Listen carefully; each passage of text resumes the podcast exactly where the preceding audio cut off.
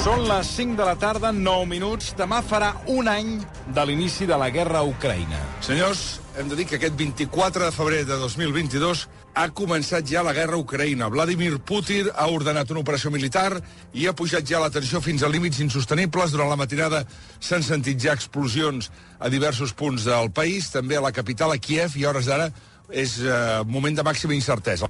Ucraïna decreta la mobilització general de l'exèrcit, mira d'aturar les tropes russes que ja s'endinsen al país. Rússia ha atacat les nostres bases militars, els nostres efectius a la frontera. S'han sentit explosions a moltes ciutats d'Ucraïna. Hem instaurat la llei marcial a tot el país. És el president ucraïnès Volodymyr Zelensky que reclama suport a la comunitat internacional. Vladimir Putin porta la guerra a Europa i la Unió Europea prepara la resposta. I call on Russia to immediately stop the violence. Reclamo a Rússia que aturi immediatament la violència i que retiri les seves tropes de territori ucraïnès. No permetrem que el president Putin ensorri l'arquitectura de seguretat que ha donat a Europa dècades de pau i estabilitat. No permetrem que substitueixi l'imperi de la llei pel de la força i la crueltat. Avui ens hem llevat amb la pitjor de les notícies. Mirem Díaz, bona tarda. Bona tarda. L'amenaça s'ha complert, ha esclatat la guerra a Ucraïna. Per saber l'última hora d'aquests eh, combats, allà hi tenim l'enviat especial de la Vanguardia, en Fèlix eh, Flores. Aquest matí hi ha hagut un, un embús tremendo per mirar de sortir d'aquí. Pel carrer es veu poca gent, sembla diumenge. Ja hem vist cues a les benzineres, cues als caixers, cues a algun supermercat que encara està obert, un cert desplegament de la policia. Sabem que la, les tropes russes ja ja són a la, a la regió de, de Kiev, haurien penetrat i serien uns 20 quilòmetres des, de, des del nord. Doncs eh, han passat 12 mesos. L'ofensiva continua i la tensió augmenta. Després de suspendre l'acord de control de l'arsenal atòmic amb els Estats Units, Vladimir Putin ha amenaçat avui Occident amb més míssils hipersònics i armament nuclear. More nuclear weapons, um... Més armes nuclears i menys control fan un món més perillós. Per això havíem treballat tant en acords que suposessin un control per Rússia. I és per aquest motiu pel qual demano que Rússia consideri aquesta decisió. Un any després de l'inici de la guerra d'Ucraïna, saludem a Carme Claudín, eh, investigadora sènior associada del CIDOP, experta en l'espai postsoviètic, llicenciada en Filosofia i Història per la Universitat de Sorbona. Eh, senyora Claudín, bona tarda. Hola, bona tarda. Tot i que ens ha demanat que li diguem Carme, per tant, Carme, bona tarda. I el Cesario Rodríguez Aguilera, catedràtic emèrit de Ciència Política a la Universitat de Barcelona, doctor en Dret i llicenciat en Història Contemporània. Mm, Professor, moltíssimes gràcies per acompanyar-nos. Bona tarda. Bona tarda. En uns minuts també viatjarem a diferents punts. Viatjarem a Ucraïna, on ens espera Mar Marginedes, i també viatjarem fins a Rússia, on ens espera en Xavier Colàs. Però abans, ara comentàvem eh, la notícia que els nostres companys dels serveis informatius eh, doncs, eh, amb la que començàvem el, el butlletí informatiu, i és que Volodymyr Zelensky ha demanat una reunió amb Xi Jinping per buscar fórmules per la pau. Uh, ahir hi va haver-hi un emissari també del govern xinès que es va reunir amb Vladimir Putin i també va plantejar aquesta possibilitat d'aquest uh, tractat de pau. No sé quines, uh, si són optimistes o són pessimistes al voltant del paper de la Xina amb, aquesta possible, amb aquest possible intent d'arribar a, a, una, a, una, en fi, a arribar a la pau. Primer li trasllado la pregunta a Carme Claudín.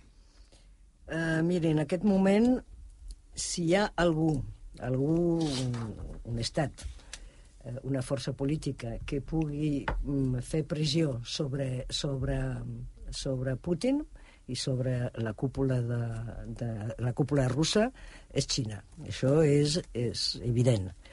Jo penso que, a més, per un altre costat, també és evident que, malgrat que repeteixin els xinesos el suport, en principi, eh, el suport públic a Rússia, el més probable és que en aquest moment estiguin eh, bastant insatisfet, insatisfets amb els, amb els russos, amb el que està passant, perquè el més probable és que eh, Putin els hi hagi venut la idea que ells, ell mateix se la creia de que eh, entraria a, a Ucraïna, que seria un passeig militar, que arribaria a Kiev, se n'aniria una setmana, deu dies, i ja està, ja, chicos, lo tenemos todo en orden. I resulta que no, no, res, no només no ho han pogut fer, sinó que res està en ordre i tot està eh, en una dinàmica de desordre creixent. I això és algo que a Beijing no li agrada gens. Si hi ha algo que a la cúpula xinesa, i d'això eh, el professor eh, ens ho en parlarà millor, perquè ell coneix millor a Xina, mm. eh, si hi ha algo que als xinesos no els agrada és la inestabilitat i el, el, eh, el no poder saber què és el que passarà.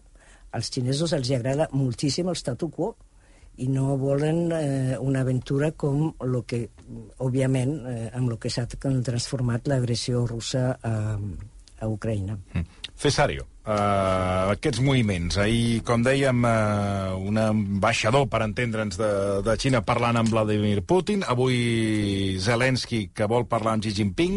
No sé si s'ha obert una possibilitat. Coincideixo amb Carme en el sentit que la Xina és el país que més pot pressionar a Rússia són aliats, però no incondicionals. La Xina té la seva pròpia agenda, eh? té, té eh, el seu, els seus propis interessos. Per tant, mm, recolzar a Rússia sí, però no d'una manera total. I d'altra banda, la Xina defensa un principi en aquests moments incomodíssim per Rússia, que és el de la integritat territorial dels estats. Per tant, si ens agafem seriosament aquest principi, la mediació xinesa eh, hauria d'implicar tornar a l'estatu quo ante, i no només de, del que ha passat en aquest últim any, sinó fins i tot del 2014. I, eh, per tant, l'anexió de Crimea, des del punt de vista oficial xinès, també va ser il·legal. Eh? Per tant, la, la, la posició xinesa és incòmoda. Eh, gràcies a la Xina i en part de la Índia, Putin pot seguir finançant la guerra. Això és veritat però és evident que això se les ha anat de les mans. D'altra banda, la Xina està aprenent molt. Eh, és un conflicte que li, està inter... li serveix com a experiència, estic pensant pel futur, mm -hmm. eh, tothom parla, ho veig poc probable, però no impossible, d'una eventual repetició del que ha fet Rússia a Ucraïna amb Taiwan. Per tant, eh, per la Xina això és un experiment interessant per veure fins on es pot tirar la corda internacional, fins on els Estats Units estan disposats a, a arribar. Mm. Uh, per tant, la, la, la Xina està prenent moltes lliçons, uh, però és evident que, com deia la Carme, no s'esperava que aquesta guerra durés un any. Aquesta és una notícia pèssima, també per Xina, mm. perquè és, és evident que ells també volen estabilitat mundial. Amb, amb el que avui ha dit Vladimir Putin, uh, amb, el, amb el trencament de, del darrer acord de, de proliferació d'armes nuclears, uh, li pregunto a la Carme i després al Cesario, uh, estem o eh, més, més a prop d'una tercera guerra mundial o d'una manera indirecta ja estem en una tercera guerra mundial? Carme. Mira, jo no crec que ni estem eh, apropant-nos a una guerra mundial, almenys de moment. Mm -hmm. Tal com està la situació, que està molt oberta encara, és és difícil fer pronòstic. A més, a mi és que no m'ha agradat mai, mm. perquè tots aquests que han fet després s'han equivocat. Tots. Eh, per conseqüent, jo no crec que estem eh, ara mateix en una situació de Tercera Guerra Mundial, i de fet tots els analistes més, eh, els que a mi em semblen més seriosos al, al voltant, o sigui, en el món, eh, ho pensen també, Ara sí que eh, és una cosa que eh, a Putin li agrada molt transmetre aquesta por al, al, al rival, al de, al de davant. Perquè, és clar, això condicionaria molt la seva actitud i la seva mm, decisió o determinació, en aquest cas concret, per ajudar militarment a, a, Ucrània, a Ucraïna. I, de fet, ho està aconseguint perquè dins de les, de les nostres societats, a Espanya i no només a Espanya, hi ha aquest debat de, de eh, és que no tindríem que de, decidir ja no donar tan, tantes armes perquè això serà una escalada i fins a quan eh, i si els hi donem armes el que únic que fem és eh, ajudar-los a matar eh, ucraïnesos en canvi, es veu que si no donem armes eh, no mataran més fàcilment els ucraïnesos, els russos. O sigui, ahir hi ha una contradicció en el pensament, però que tot això és algo que el Kremlin coneix bé mm. i sap jugar molt bé amb aquestes eh, contradiccions nostres eh, a la Unió Europea en particular. Mm -hmm. Cesario coincideixo amb Carme, no, no, no, ni estem... Eh, eh, ni, ni la Tercera Guerra Mundial està a punt d'esclatar, ni tan sols de manera indirecta eh, vivim una situació semblant. Uh, per tant, eh, és veritat que hi ha un enfrontament entre, eh, indirecte entre Rússia i l'OTAN, però eh, subratllo molt aquest terme, indirecte. Per tant, jo no veig risc de, de, de Tercera Guerra Mundial. D'altra banda, cada cop que Putin amenaça amb l'arsenal nuclear, eh, al meu parer, és un símptoma de feblesa. Eh, vol dir que les coses no li van bé. Eh, eh, I, i d'altra banda, els tècnics, els experts militars diuen que l'arma atòmica és molt poc útil mm, des del punt de vista d'una guerra convencional. Eh, a veure, mm, dubto que tota l'elit eh, russa estigui a favor de fer servir aquestes armes. Dos, eh, un objectiu militar dispers a Ucraïna no valdria la pena.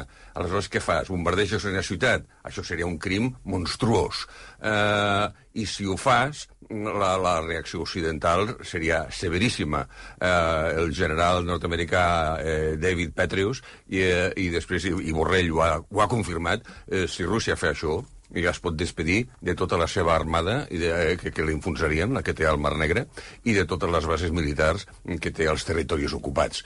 Doncs, per tant, jo ho veig altament improbable. Mm. No es pot descarçar al 100%, mm. però ho veig altament improbable. Al fil del que diu, i jo ahir i pensava, i avui també, amb aquesta reiniciació d'aquests aquest, míssils, és a dir, que parla de d'armes nuclears, d'aquests míssils d'un abast de, de país a país, però molts esperàvem en el discurs de, molts esperaven en el discurs de l'estat de la nació que eh, tothom parlava de, de que seria un dia important que explicaria i ben bé no va acabar d'explicar massa cosa, no? I no sé si eh, eh, la, la Carme Claudín continua pensant el que va dir fa uns, eh, uns mesos, que a Putin se li estan acabant les sortides i que militarment, llegeixo textualment del diari El País, ja pràcticament només li queda el que eh, diu el Cesario, aquesta escalada nuclear.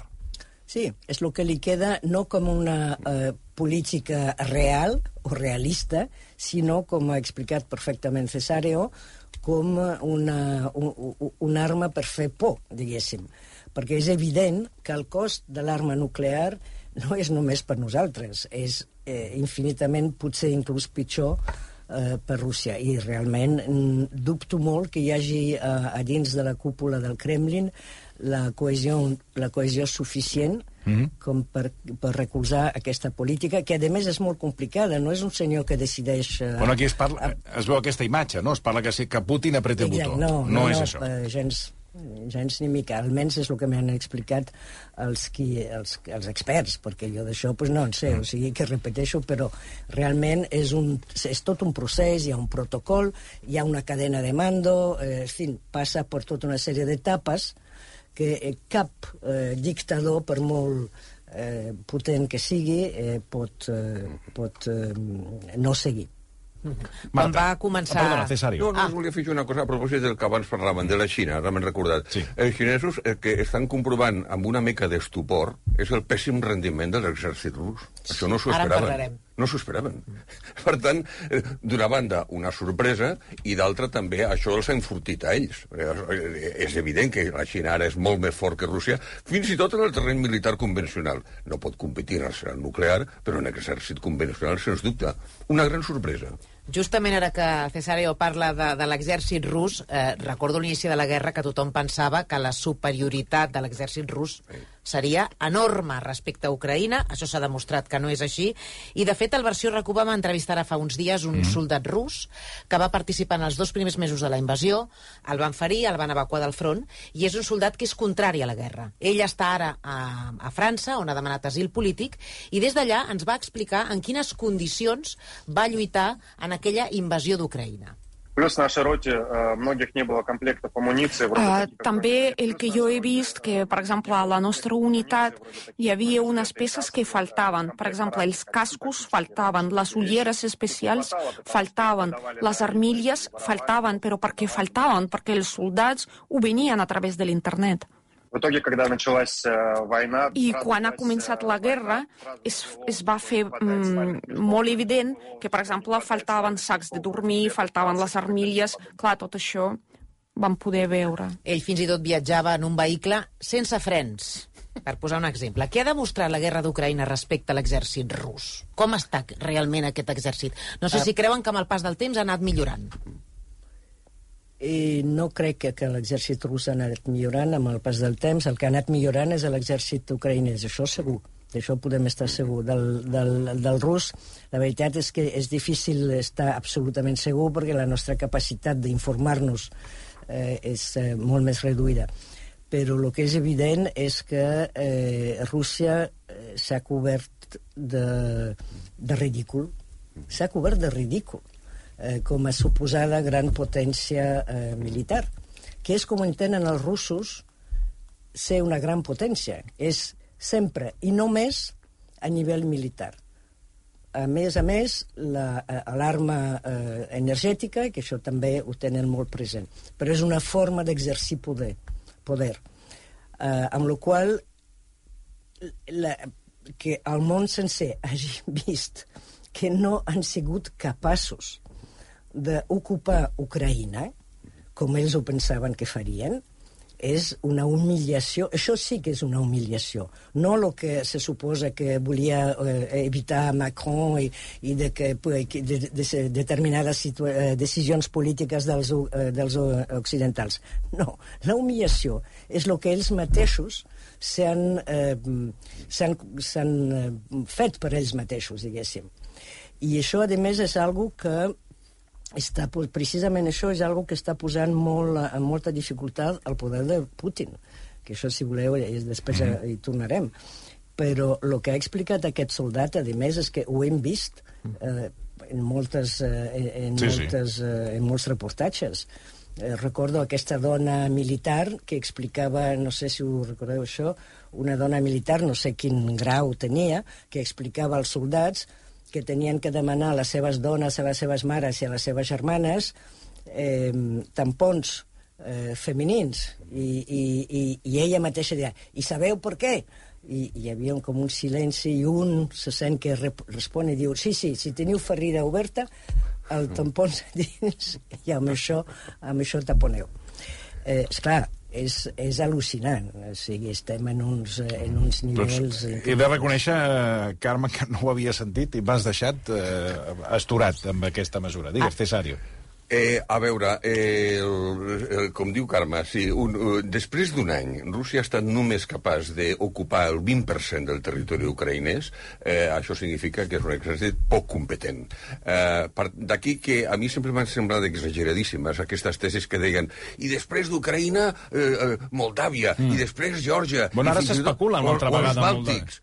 Però, meu, Déu meu, si no pot amb Ucraïna, tu, tu creus que es ficarà, eh, no ja dic amb els Bàltics, però els Bàltics són OTAN, amb Moldàvia o amb Geòrgia, obrir tants fronts, i, i, i va haver de tancar el front nord perquè no podia.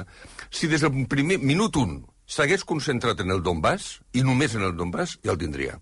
I el fet que estigui ara recorrent a mercenaris, eh, eh, el grup Wagner, amb delinqüents, és tot un símptoma. O els txetxens aquest de, de, de Kadyrov, que són una, una colla d'assassins. Eh, és un símptoma mm, de, de, de, la, de, les, de les insuficiències de l'exèrcit rus. Malgrat tot, ha passat un any, la guerra encara continua. Vostès pensen eh, que amb les ajudes que està rebent Zelensky, amb els tancs, amb l'armament, amb això n'hi ha prou per derrotar a Putin o cal anar més enllà amb aquesta ajuda?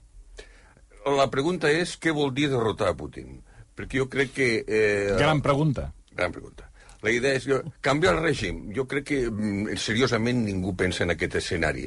Expulsar el 100% Rússia dels territoris que ocupa, jo ho veig gaire... El 100% ho veig gairebé impossible. Uh, què seria per mi una derrota militar? Trencar el corredor territorial de Zaporilla que uneix Crimea amb el Donbass. Això seria un cop mortal. Eh? I que els ucraïnesos tornessin a tenir, a tenir una sortida al mar d'Azov. Eh? Això sí que faria trontollar la cúpula del poder. Ara a la primavera veurem les ofensives. Si guanya Putin, què vol dir que guanya Putin? Que ha conquerit el 100% del Donbass. No és impossible. Què vol dir que Zelensky guanya? Guanya parcialment, que ha aconseguit trencar el front. Eh, eh, en aquests dos escenaris eh, és quan potser es podrien obrir negociacions. Però com potser pot, pot co- comprendre, les eh, posicions canvien radicalment. Si és Putin el que ha ocupat tot el Donbass, té una posició de força impressionant. Si és Zelensky el que ha trencat el corredor territorial, parteix amb un punt d'avantatge extraordinari. No sé si Carme vol afegir alguna cosa al Estic respecte. bastant d'acord, excepte que eh, no crec que podem descartar encara, Mm. perquè, és clar, aquí estem en, un, eh, en, en una perspectiva una altra vegada com de pronòstic, diguéssim. Sí. Eh, no es pot descartar que mm, Ucraïna mm, guanyi més que això.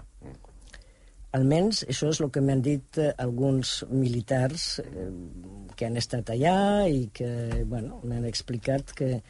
Jo recordo un en particular que li he preguntat, eh, escolta, a, a part dels temes polítics, eh, Mhm. però militarment, tècnicament, diguéssim, és possible que guanyi Ucra Ucraïna? Es va quedar pensant, i això fa uns mesos, eh? es va quedar pensant i em va dir, és possible. O sigui, no el descarto. Evidentment, és, eh, és potser sembla abugerat en aquest moment pensar-ho, però realment és que veient en la situació en què està Rússia, eh, pues és possible.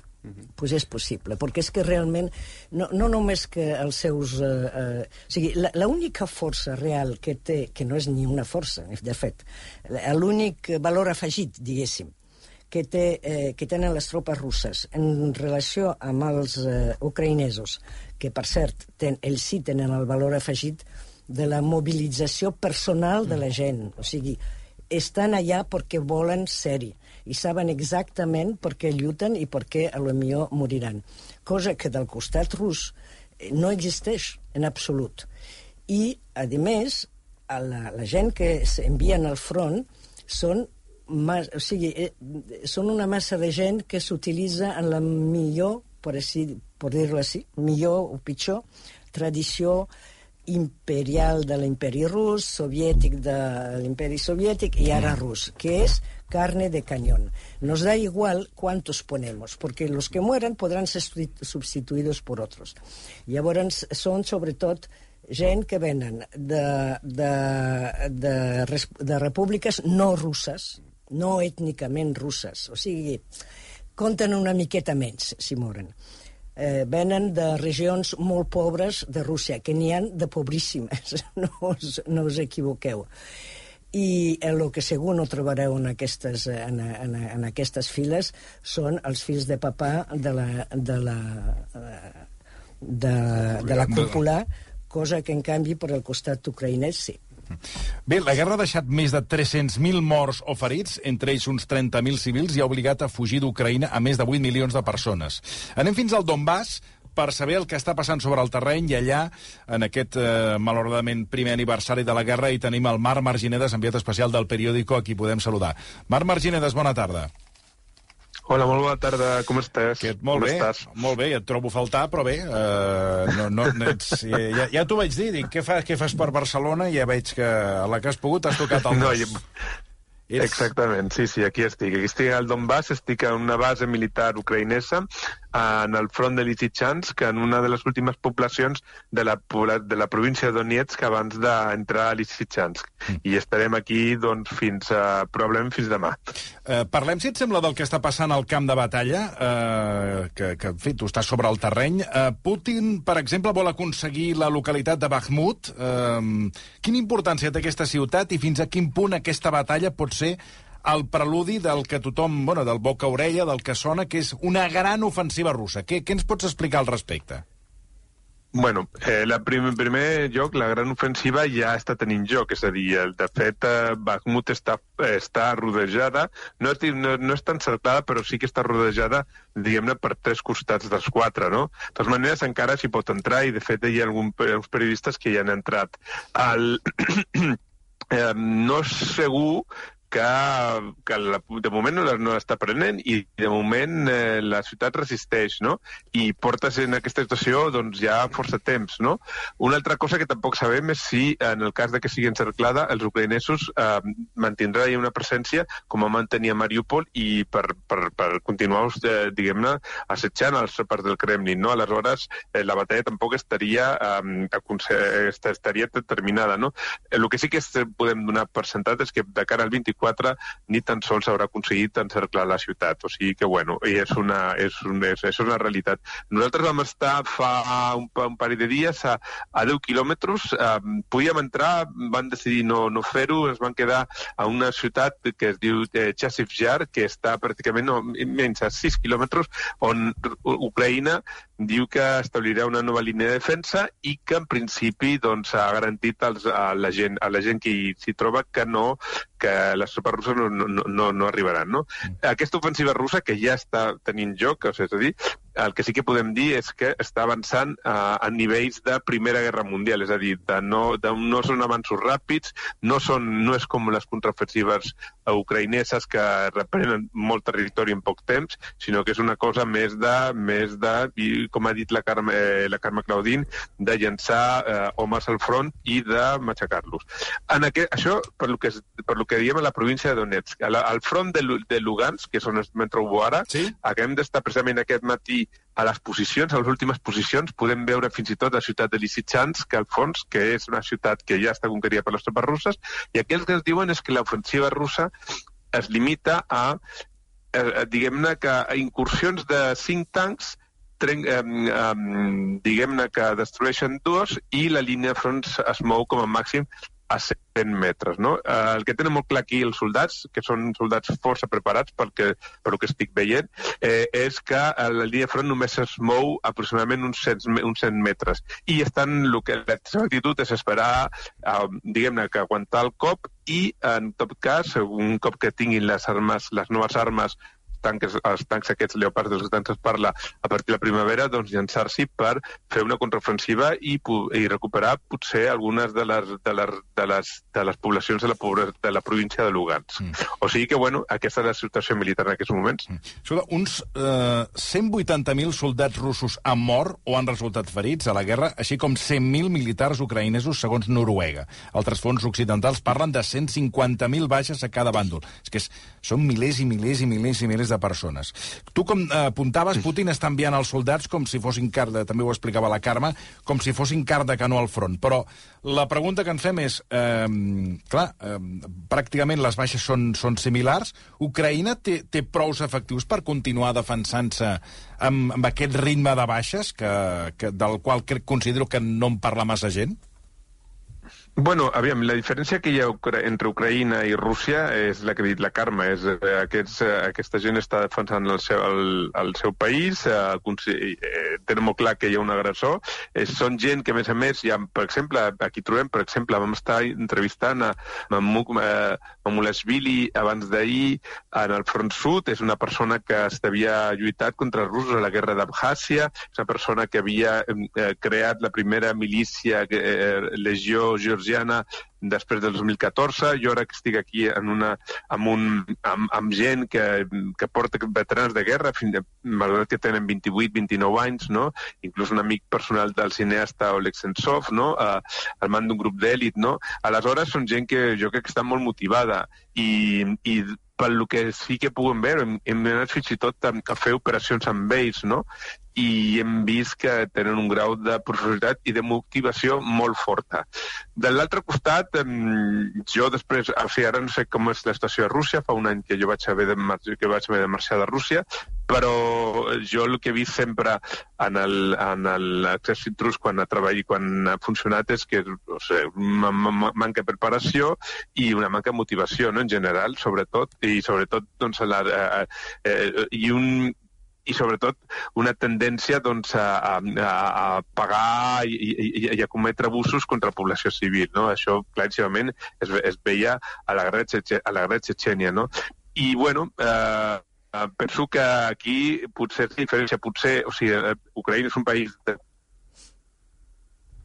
Ara, mira, mira que sonava bé, ara hem perdut sí. la comunicació amb, amb, el, amb el Marc Marginedes.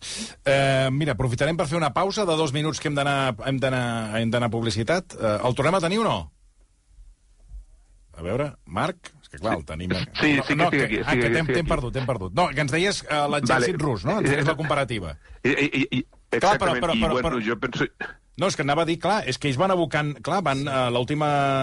Eh, com, com diria, convocatòria no, l'última eh, crida a files va ser de, de 300... Mobilització. De mobilització va ser de 3.000 de, 3, de 300.000 homes, clar, és que no li ve de... De, de, de, de, de, de, de totes maneres, Rússia també ha de pensar que, eh, que si a la guerra d'Afganistan van morir aproximadament només 10.000 soldats, em sembla, o 20.000 soldats, perdona, i va, i va ser un de les detonants de la desintegració de la Unió Soviètica, què passarà quan Rússia aturi la guerra i es miri al mirall i vegi el nom de, el, el nom de morts que han mort a més a més en el país veí en el país germà. És una pregunta que Rússia tampoc, és a dir, pot continuar llençant carn, però evidentment això també, també té un preu per ells, per, ell, per Rússia. Mm -hmm. Marc, moltíssimes gràcies per acompanyar-nos. Ha estat un plaer, com sempre. Adéu, Marc. Un plaer. Moltes gràcies, Toni. Salutacions a la Carme i, i, a, tu, i, i, al, i a Xavier Colars a Moscou. Ara, ara hi anem cap allà, ara hi anem cap a, cap a Moscou. Gràcies, Marc, repeteixo, i cuida't. Una abraçada. Rússia, bona tarda. Farem una pausa, com dèiem, de dos minuts i ens n'anem a Rússia amb el Xavier Colàs, que ja ens espera. Dos minuts i tornem. Dos minuts, arribarem a tres quarts de sis de la tarda. Avui amb Carme Claudín, amb Cesario Rodríguez Aguilera. Fa un moment hem parlat amb Marc Marginedes des d'Ucrània i parlant d'aquest malauradament aniversari de la guerra entre Ucraïna i Rússia. I ara el que farem és eh, anar fins a Moscou per parlar amb un dels reporters espanyols que porten més temps cobrint aquesta guerra. És en Xavier Colàs, corresponsal de Rússia i Ucraïna pel diari El Mundo, Onda Cero, Telecinco i France 24. 24 hores. Eh, Xavier Colàs, bona tarda, buenas tardes. Hola, buena tarde a todos. Buena tarde. Bueno, ¿cómo se está viviendo en Rusia eh, este, este primer aniversario de la guerra? Uh, porque supongo que allí, después de los discursos de Putin tanto ayer como, como hoy, eh, da la sensación que se sigue creyendo en desnazificar Ucrania y que Occidente pues es la que está viviendo esta, esta guerra mundial para destruir Rusia.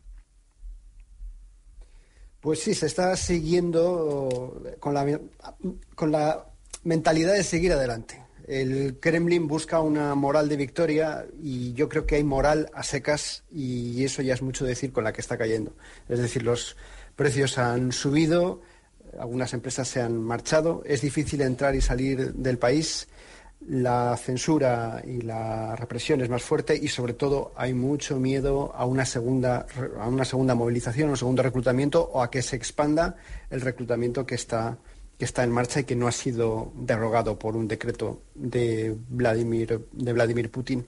Los rusos durante estos 12 meses han ido de la negación a la preocupación, pero de momento sin optar por soluciones colectivas. Es decir, se han evitado las movilizaciones, ha habido conatos, sobre todo cuando empezó la guerra y sobre todo cuando se decretó el, la movilización, el, reclutamiento, pero es tarde ya para eso, porque el control policial es altísimo, las leyes son muy duras solo por manifestarse, así que han optado por soluciones individuales, que a día de hoy son muy escasas. Básicamente callarse y seguir adelante o marcharse. Mm. Ayer eh, Putin se dio un baño de masas en un estadio donde fue aclamado. Eh, como bien dices, eh, la línea es continuar con esta con esta guerra. Se ha estado especulando y se ha hablado mucho, ciertas informaciones de servicios secretos incluso, de una gran ofensiva que se preparaba eh, en conmemoración, eh, bueno, coincidiendo con este, con este año, con este aniversario. Se habla en Rusia de esta, de esta gran ofensiva que, que algunos, eh, fin, algunos medios apuntan para, para mañana o para los próximos días. Sí, se habla de la ofensiva, pero no se habla de cómo se va a hacer. Todo el mundo quiere que haya algún tipo de avance para que la guerra se acabe, pero nadie quiere ser llamado para participar en, ello. Por eso los, rusos han hecho colas antes en las en los pasos fronterizos que en las oficinas de reclutamiento. Eso entroncando un poco con lo que decía Mar Marguinedas, mi compañero, hace, Mm. hace unos momentos, de la diferencia de, de- de incentivo moral que hay en cada lado. Los ucranianos están luchando por su país, los rusos están luchando por una guerra que les han organizado de la noche a la mañana, además, literalmente, porque tomó la decisión Vladimir Putin una vez más, igual que en 2014, sin escuchar ni siquiera a sus propios eh, colaboradores o a un núcleo muy, muy, muy reducido. Y hay que recordar que esta es una guerra que el gobierno ruso todavía no se atreve a llamar por su nombre. Es decir, está prohibido decir que esto es una guerra, hay que decir que es una operación militar especial. Pero 12 meses después, la gente, aunque solo sea por lo que se filtra usando el VPN para poder leer Telegram o Instagram, o las noticias que van llegando de primos en el pueblo que han asistido a cuatro entierros en un mes, va, dándose, va haciéndose una idea, una composición de lugar de que, en efecto, esto no es una operación eh, militar especial, como si fuese una operación antiterrorista, que empieza a las 6 de la mañana y en cuestión de horas o de días se ha cerrado, sino que es un auténtico lodazal de sangre en el que Rusia está atascada con su propia sangre y con la sangre de sus vecinos, que son los ucranianos, de sus parientes, de sus amigos, de una sociedad con la que tuvieron muchísimos nexos en común durante muchísimos años y que ahora está inmersa con ellos. Ellos las han metido a Ucrania en esa guerra que al mismo tiempo no son capaces de explicar a los rusos. Eh, cuando Karma o César quieran hacer alguna pregunta, que, me, lo, que me lo digan y, y la formulan. ¿eh? Eh, hace un momento con Mar Marginedas hablábamos de estos 180.000 soldados rusos, ah, se especula que han muerto, unos 100.000 militares ucranianos, al- algunas fuentes apuntan 150.000 por, por, por, cada, por cada bando. Estos, estos militares, es decir, muertos, ya han regresado, ah, ya han sido enterrados o se esconden, es decir, ¿hay constancia de, de ese, bueno, de esa, de esa gran cantidad de, de soldados muertos en esta guerra? Tampoco se ha sabido hacer eso. Desde el principio ha habido un problema a la hora de mostrar el- el- los ataúdes volviendo. Si ya ocurre en sociedades democráticas, como por ejemplo en Estados Unidos, donde también se tardó tiempo en sacar las imágenes de, yo recuerdo una imagen histórica que creo que la publicó el New York Times, de un avión lleno de ataúdes eh, con la bandera americana. Y esa, esa imagen tardó mucho tiempo en salir, pese a que hubo muertos desde el primer día. Imaginemos entonces en una dictadura, con el control que hay, y los tabúes que hay, y los miedos que hay, la, la oscuridad respecto a lo que está pasando es total. En, en algunos casos, cuando se trata de gente significativa, digo, en cuanto al escalafón militar, sí que se han organizado eh, ceremonias militares, pero en muchísimos casos se trata de enterrar a la gente lo más rápido posible y de eh, pasar página.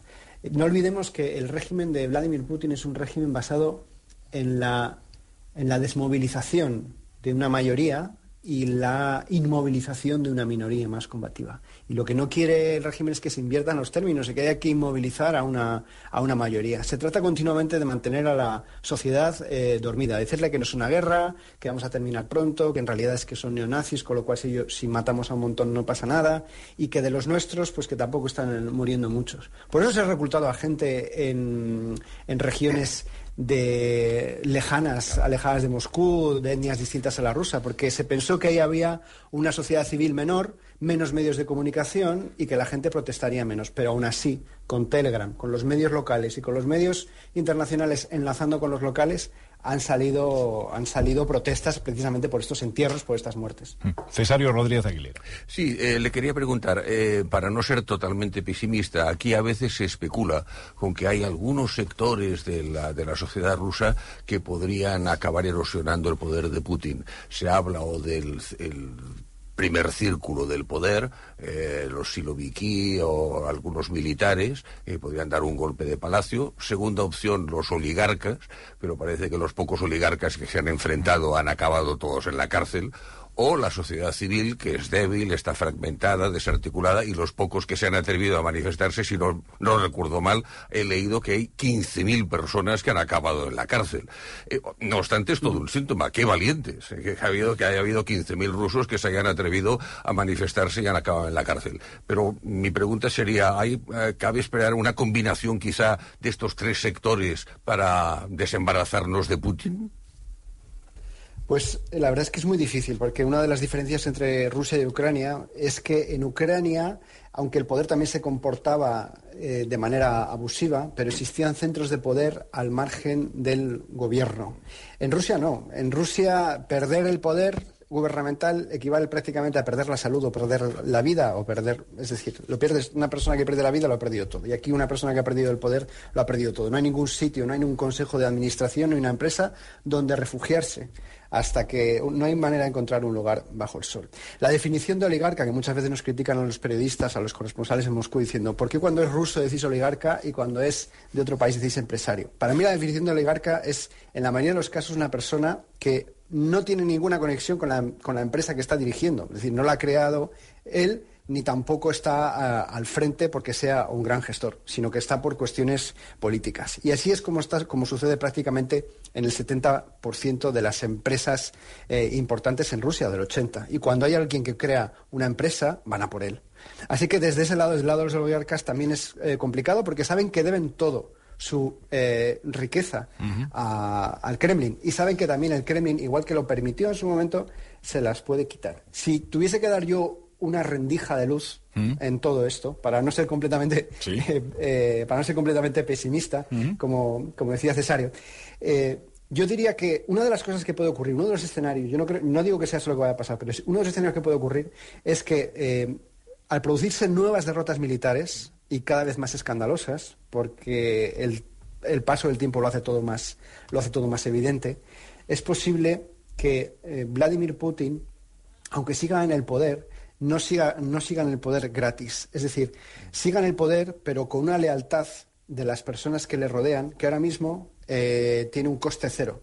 Y que por un debilitamiento de su, de su figura, simplemente por el mal desempeño y también porque sufre un desgaste y, porque- y también porque tiene 70 años y la gente se empieza a preguntar qué va a pasar después porque la gente quiere seguir teniendo un lugar bajo el sol, digo los que están alrededor, es posible que llegue un momento en el que la lealtad que le tienen las personas que le rodean, ese círculo tan pequeño de 12 o 24 personas, no sea gratis.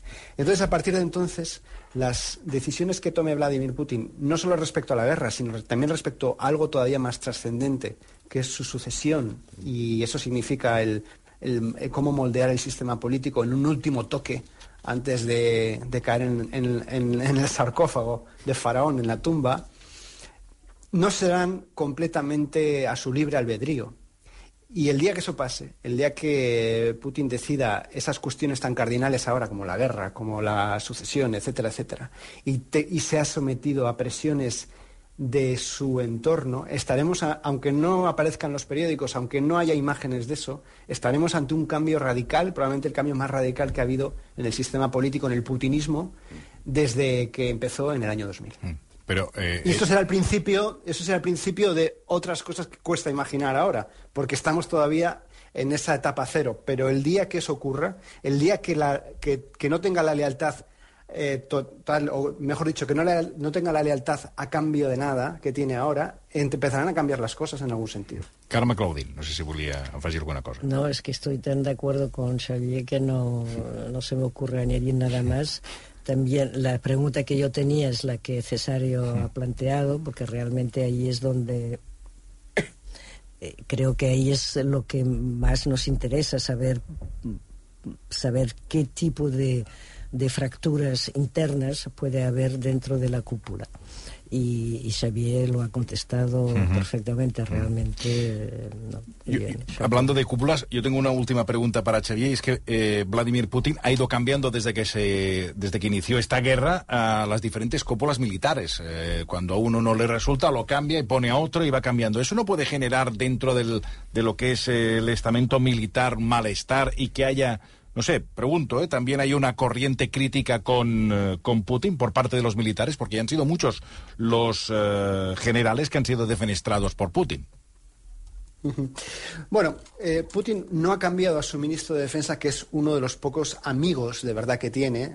Cuando vemos la foto de, de Putin sin camiseta, montando a caballo eh, y cruzando un río, esas fotos están organizadas y en algunos casos hechas por Sergei Shoigu, cuando, porque, se- porque de verdad se van juntos de, de vacaciones a andar por el monte que eso es lo que hacen eh, estos señores cuando tienen tiempo libre.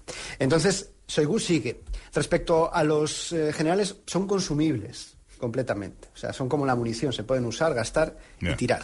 Aunque sí que creo que puede, que puede haber tensiones, no sé si en la cúpula, pero eh, en, en- en algunos estamentos, incluso en, el- en- en- la propia élite rusa del Kremlin y, de- y del gobierno, no tanto por el cambio de generales, porque están para eso, sino por el creciente protagonismo de eh, elementos muy disruptivos como por ejemplo Yevgeny Prigozhin, exactamente, o sea, los, lo- los Wagner, gente que opera al contrario de cómo opera el, el ejército, es decir, si el ejército esconde los muertos, Prigozhin los saca a sus soldados muertos cuando le conviene para que, para que le den más munición, o, o mejor dicho, cuando le conviene no para que le den más munición, sino para culpar y competir con el Ministerio ruso, Ministerio de Defensa ruso, y acusarlo y dañar la popularidad del Ministerio de Defensa ruso diciendo que no le dan la suficiente munición, etcétera, etcétera, ¿no? Entonces es un ejército informal, es un ejército privado, es un ejército de, de aventureros, es un ejército que sí que es propiamente no una herramienta, no un arma, sino un consumible, porque esas muertes son todavía más baratas que las de los soldados. Eso sí que los entierran en cualquier sitio y nadie se entera, ¿no? Pero la propia presencia de Prigozhin, que yo creo que es útil a Vladimir Putin en muchos aspectos, pero creo que también tiene un coste y que cada vez hay más gente, cada vez hay más gente en el entorno del Kremlin que le tiene ganas a este señor. Xavier Colas, muchísimas gracias por acompañarnos. Ha sido un placer. Te leemos y te seguimos. Un saludo. Un todos. buenas tardes. És corresponsal de Rússia i Adiós. Ucraïna pel diari El Mundo, Onda Cero, Telecinco i France eh, 24, i a més el podeu seguir a través de Twitter. doncs... Eh, eh? No ah, sé digues, digues. No, li saludava. Ah, sí, sí, sí. saludava. Bueno, perquè us seguiu mútuament. A mi m'ha quedat una última pregunta. Sí, que hem d'acabar. Interessant, una última. Eh, que és el paper dels Estats Units? Perquè els Estats Mhm. Units ha destinat a aquesta guerra 29.300 milions de dòlars en ajuda militar i s'ha convertit en el donant més important en aquest àmbit eh, des que va començar la guerra. I aleshores la pregunta és com s'ho cobrarà això o si és que ja s'ho estan cobrant? Jo crec que ja s'ho està cobrant. Eh, sense el lideratge dels Estats Units aquesta resistència ucraïnesa seria impossible. La Unió Europea no és un actor geopolític encara que aspiri a ser-ho. Uh, L'altre dia el vaig llegir una entrevista del Dan Smith, el president del CIPRI a Estocolm, i va dir ah, això no és una, una cosa de quatre, és de tres. Eh, Rússia, Xina i els Estats Units. Sigui, la Unió Europea pinta molt poc. Eh, per tant, eh, eh, vull recordar que la, el 75% de l'OTAN és Estats Units. Mm, Jo no sé si podria canviar alguna cosa. Eh, a veure, si la guerra dura dos anys més, que seria un horror, hi ha una alternança als Estats Units, un president republicà, què faria? Mm, Si és Trump, jo crec que això que retallarà de seguida la, els ajuts militars. Crec, eh? Però, en fi, és molt difícil saber. Eh, Espero que no duri dos anys més la guerra, espero. Carme? A veure, hi ha molta gent que diu que, sobretot un sector de la- de l'esquerra, eh, que diu que els Estats Units s'ha ficat en aquesta guerra perquè va en l'interès de la seva indústria de defensa. A veure, mm, pues això, la indústria de defensa deu estar molt agraïda al senyor Putin, perquè el que ha començat aquesta guerra és el senyor Putin. Llavors, certament, la Unió Europea no estava preparada su, des del punt de vista de, de recolzament armamentístic no estava ben preparada com els Estats Units per ajudar a Ucraïna. Això està claríssim. Entre altres coses perquè a Europa som uns països en què ens... Eh, mm, eh, el que volem eh, és que el, una part important del pressupost vagi a sanitat, a educació, a feina, totes aquestes... I a mi em sembla molt bé. I no vagi a defensa. Llavors no hi ha la capacitat europea per això. I per això també es necessita la unitat de tots els països eh, socis eh, membres de la Unió Europea. Llavors, això és una realitat que existia abans, o sigui que no afecta en el sentit d'una més gran supeditació d'Europa a Estats Units que és el que eh, molt sovint la, la crítica, aquesta crítica eh, deixa entendre. El que sí posa en evidència és que eh, Europa, la Unió Europea, ha de començar, de fet han començat, a replantejar-se el tipus d'autonomia eh, i, de, i, i de capacitat de defensa autònoma que pot tenir independentment del eh, vincle transatlàntic, sobretot, i no només, però sobretot, a més, en la perspectiva que diu, i que té tota la raó eh, Cesario, si torna un, un, Putin, un, Trump. un Trump o un Trump bis, eh, el més probable és que s'acabaria aquesta ajuda a Ucraïna. Suposant, evidentment, que esperem que no, eh, duri fins a, fins a que canvia eh, fins a les eleccions als Estats Units. Però, en fi, en qualsevol cas, és evident que eh, la Unió Europea i nosaltres tenim que eh, plantejar-nos seriosament analitzar en quina realitat vivim. I si aquesta realitat, que no és la que ens agrada, eh, però és la que hi ha, no ens, eh, no ens obliga a fer un esforç en la capacitat militar més gran per poder ser realment independent i soberans. Carme Claudín, Cesario Rodríguez Aguilera, moltíssimes gràcies als dos per aquest diagnòstic d'un any de guerra que malauradament demà doncs, serà, serà el dia. Uh, fins la propera. Moltíssimes gràcies. Fem Gràcies. una pausa Gràcies i ens n'anem als serveis informatius a veure què ens expliquen.